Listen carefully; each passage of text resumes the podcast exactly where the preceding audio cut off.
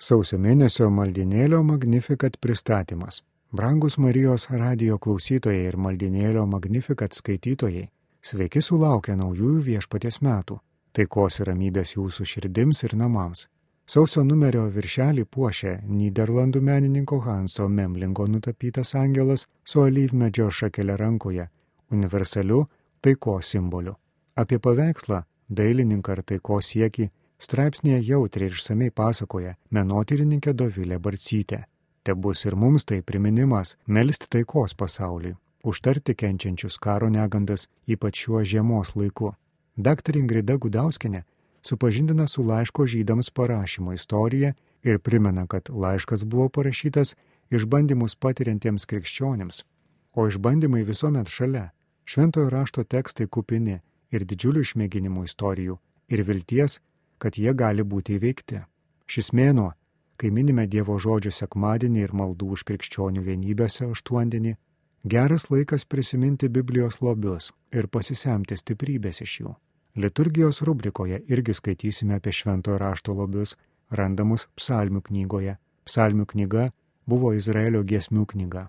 Iš jos meldės ir Jėzus savo žemiškojo gyvenimo metais.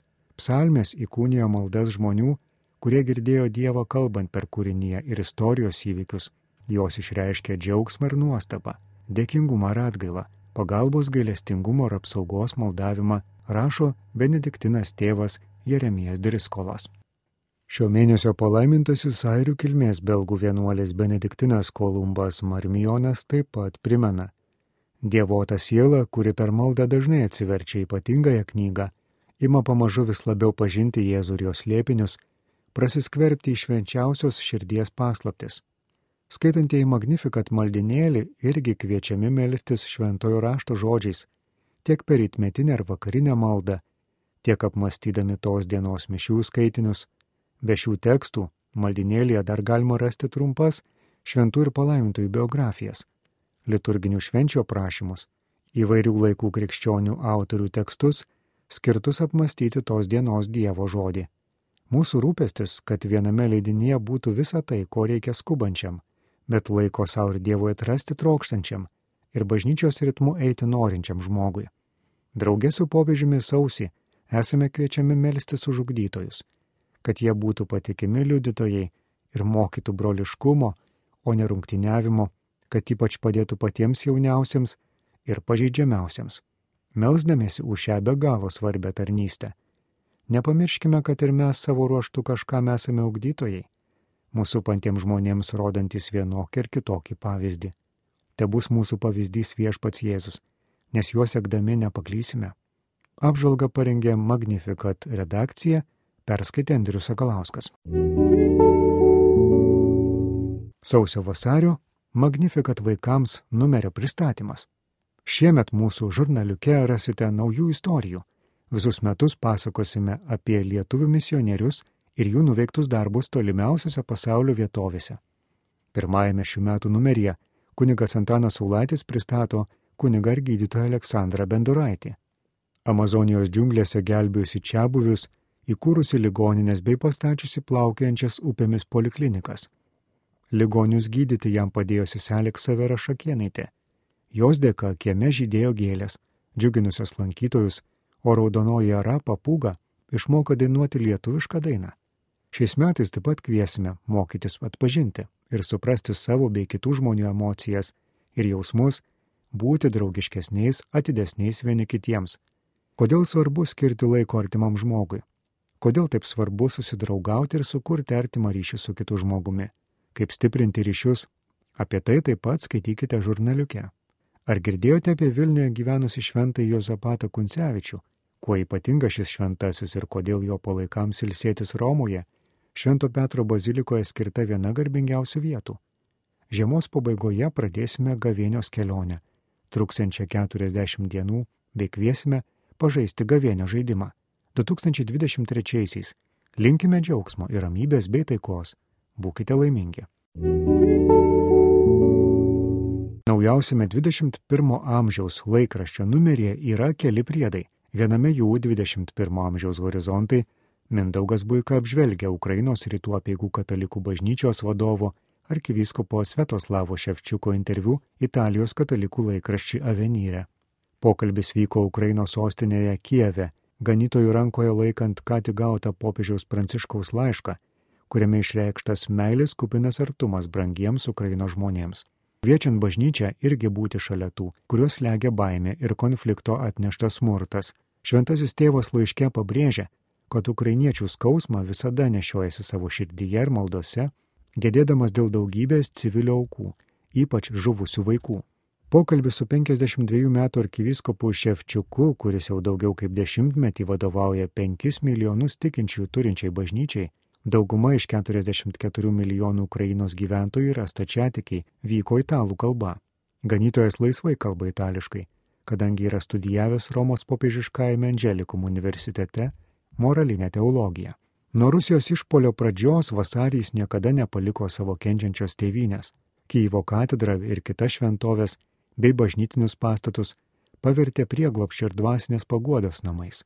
Tvirtais kasdieniais vaizdo pareiškimais arkivyskupas Ševčiukas smerkia agresoriaus žiaurumus ir smurtą, nuolat lanko masinės nukankintų tėvinainių kapavietės, atrastas išvaduotose teritorijose, padrasinančiai bendrauja su sunkius išbandymus patiriančiais kariais.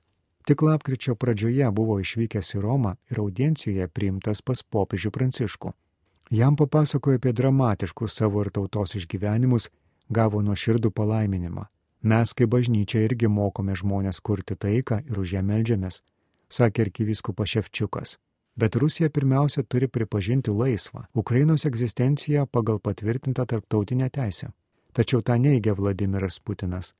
Pasak arkivyskupo patirtų karo žiaurumo akivaizdoje, Ukrainos žmonių baimė peržengia psichologinę ribą ir todėl masinio naikinimo ginklo grėsmė išskirtinai tebejaučiama. Ukrainiečiai kalba, rusai subombardavo mūsų namus, mirtinai smogė raketomis ir dronais kamikadzėmis.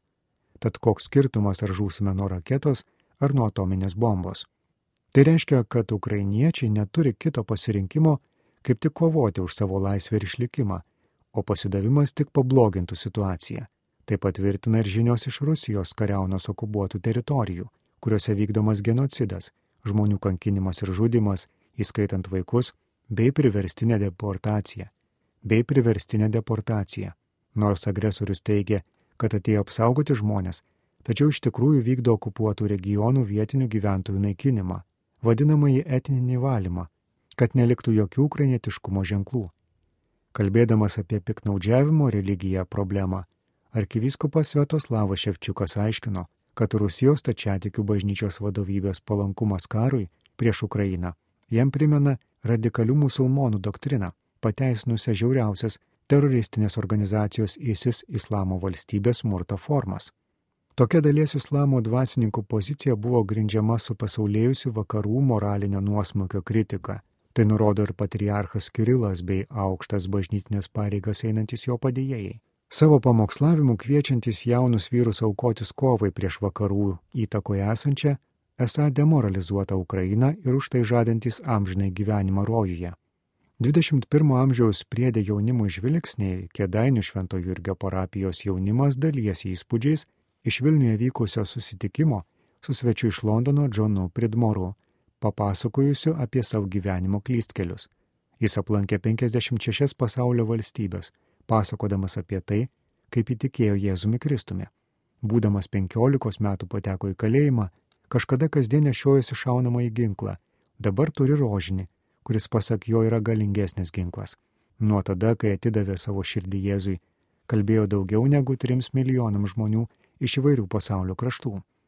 Dalyvaujant popiežiui Benediktui XVI kalbėjo keliems milijonams jaunuolių Sidnėjuje, beje, priedė žvilgsniai Jau minėtas arkivyskupas Svetoslavas Šepčiukas kalba apie tai, kaip lankyti mokyklą Ukrainos vaikams vykstant karui. Jis klausia, kaip suderinti dvi realijas - moksleivis ir pabėgėlis.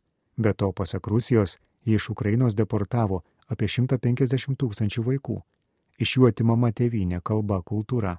Šiandien ypatingas bažnyčios pašaukimas yra lydėti jaunus žmonės šiomis sunkiomis, dramatiškomis, baisiomis karo Ukrainoje aplinkybėmis.